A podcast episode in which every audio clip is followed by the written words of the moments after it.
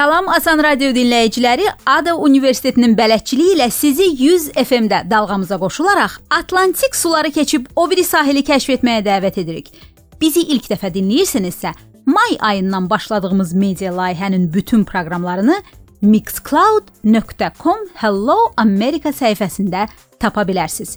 Yarım əsr əvvəl Kristofor Kolumbun çətin səyahət marşrutunu Asan Radio təkrarlayır və qitənin siyasi və sosial fərqlilikləri, ənənələri, mədəniyyəti barədə maraqlı məlumatlarla hər cümə saat 18:45-də görüşünüzə gəlir. Oktyabrın ilk proqramında Gəlin Kristofor Kolumbu da yad edək. Axı o Amerikanı məhz bu ay tapmışdı. Hərçənd ki, tapıb tapmadığı bu günə qədər mübahisəli məsələdir. Çünki Kolumb ölüm yatağında belə kəşf etdiyi yeni ərazinin Asiya olduğuna inanırdı qitələri dəyişik salan italyanlı və bununla bizə bəxş etdiyi yeni dünya və yaxud bayram günü necə ədalət çağırışına çevrildi bugünkü Hello Amerikada.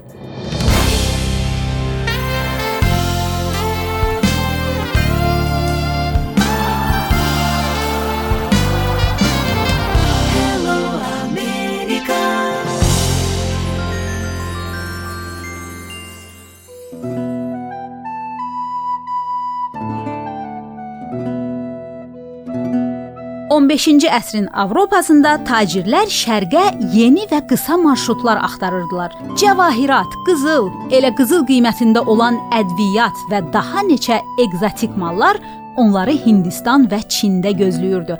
Amma və lakin ora gedib çatana qədər quru ilə digər imperiyaların ərazisindən keçib vergi ödəməli idilər. Gətirdikləri malların üzü astarısından baha başa gəlirdi. Çarə dənizə qalmışdı. Portuqaliyalı səyyahlar Afrikanın qərb sahili ilə üzü cənuba səyahət edib, daha sonra şərqə dönür və Hind okeanı ilə Asiyaya çatırdılar. Amma bu səyahət də çox uzun və təhlükəli idi. O zamanlar Portuqaliyada yaşayan İtalyanlı dənizçi Kristofor Kolumb yeni həll yolu təklif etdi. Kristofor inanırdı ki, gəmisini cənuba və şərqə deyil, məhz qərbə yönəltsə, 5000 kilometrlik ümmanı qət edib Yaponiyaya dirənəcək.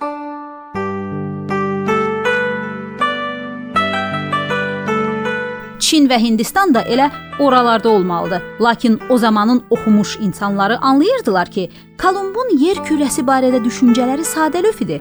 Ona görə onu dəstəkləyən az idi. Amma Kristoforun pul qazanmaq istəyi elə xarizması qədər böyük idi. Bu macəranı həyata keçirmək üçün ona sponsor lazım idi.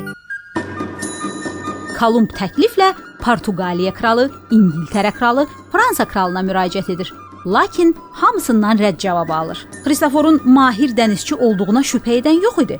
Sadəcə gedəcəyi mənzilin doğru olmadığını bilib sərmayə qoymaq istəmirdilər. Sonunda İtalyan inadkarlığı İspaniya kraliçası Isabella və kral Ferdinanda təsir etdi. Kristoforun riskli ideyasına pul yatırmağa razı oldular. 1492-ci il avqustun 3-də İspaniya sahilindən 100 kişi Santa Maria, Pinta və Ninya adlı gəmilərdə səyahətə çıxdılar. Üzü qərbə. Atlantik sularda 2 ay qarşılarına bir parça quru ərazi belə çıxmadan üzən heyət xəstə və yorğun idi və hər imkan düşən kimi Kolumbu gəmini geri çevirməklə təhdid edirdilər. Amma Kristofor hər dəfə onları biraz da ruhlandıraraq yola davam edirdi və nəhayət oktyabrın 11-də onların gözü uzaqdakı torpağa sataşdı.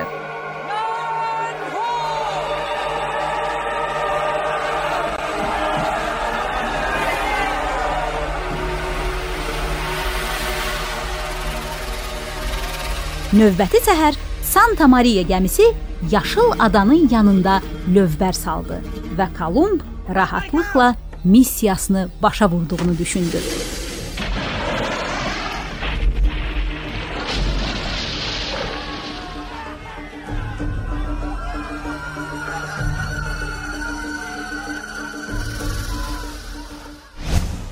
1492, Columbus sailed the ocean blue. It was a courageous thing to do, but someone was already here. In 1492, Columbus sailed 1492-ci ildə Kolumb mavi ümmanı aşıb gəldi. Cəsarətli hərəkət etdi, amma burada artıq adam var idi. Amerika məktəblərində uşaqlara öyrədilən eşitdiyiniz bu mahnının sözləri məhz belədir. Bəli, Xristoforun kəşf etdiyi yeni dünya köhnə dünya olan Avropaya tanış deyil idi.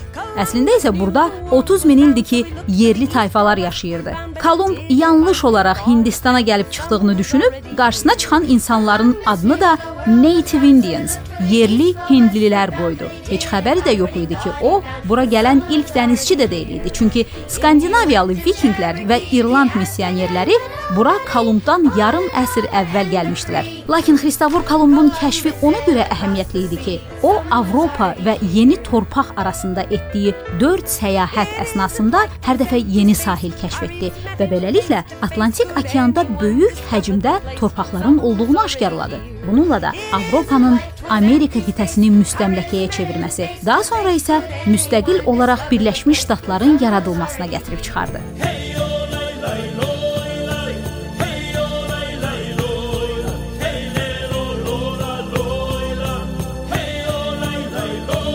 Yerli hindular üçün də Kolumbun kəşfi tale yüklü idi. Çünki buralarda yaşayan 10 milyon tayfa əhalisinin həyatı dəyişdi. Onlar Avropalılar tərəfindən soyqırıma məruz qaldı. Quldarlığa məhkum olundu. Mədəniyyətləri demək olar ki, tamamilə dağıdıldı.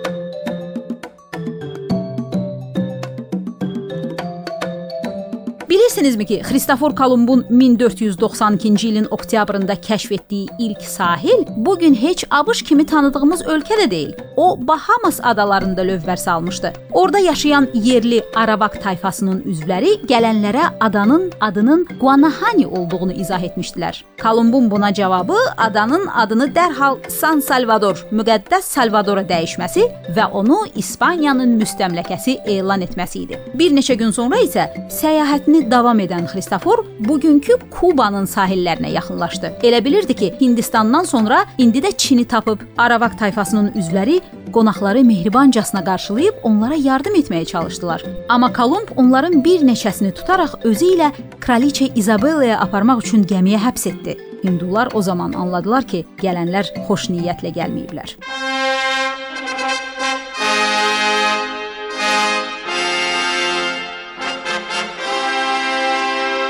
Qışı adalarda keçirən Kolumb 1493-cü ilin martında İspaniyaya döndü. Onu təntənə ilə qarşılayan İspan kral ailəsi səyyaha ümmanların admiralı titulunu verdi. Bu dəfə ona qoyulan sərmayə 1-ə 10 artdı. Kolumba İspaniyanın yeni müstəmləkələrini genişləndirmək tapşırığını verdilər. O 4 dəfə Atlantik suları fəth edib yeni sahillər kəşf etdi və hər birini İspaniya adına müstəmləkə elan etdi. Amma son gününə qədər elə də anlamadı ki, kəşf etdiyi Hindistan və Çin deyil, yeni qitə idi.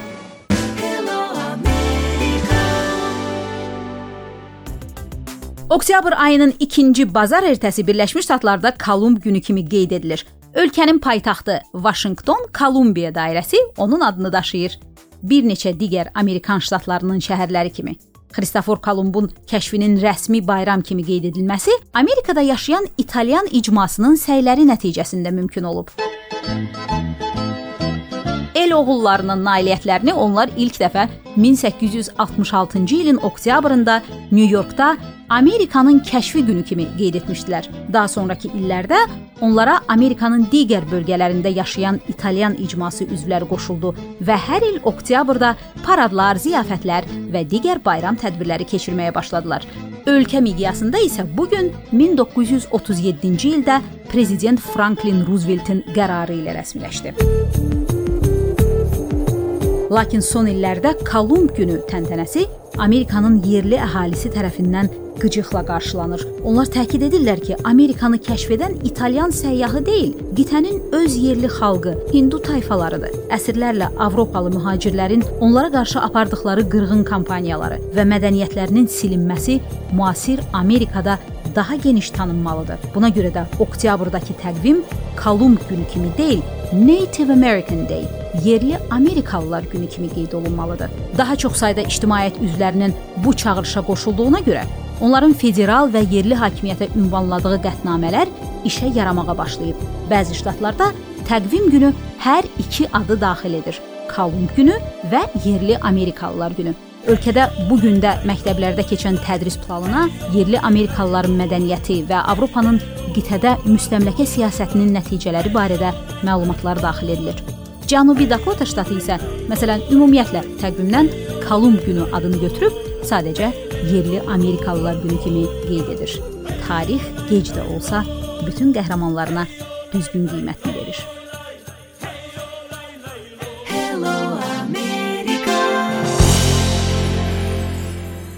Amerikan ingiliscəsini öyrənirik. Rubrikamızın məsləhətçiləri ingiliscə ali təhsil verən Ada Universitetinin akademik məqsədlər üçün ingilis dili proqramının müəllimləridir. Bu gün Xristofor Kolumbun Amerikanı kəşf etmə macərasından danışdıq. Cəsarətli səyyah yelkəni ilə küləyi tutub həvəslə səhv istiqamətə getdiyinə görə biz bu gün yeni dünyanı tanıyırıq. Buna aid Amerika ingiliscəsində ifadə də var. Take the wind out of the sail.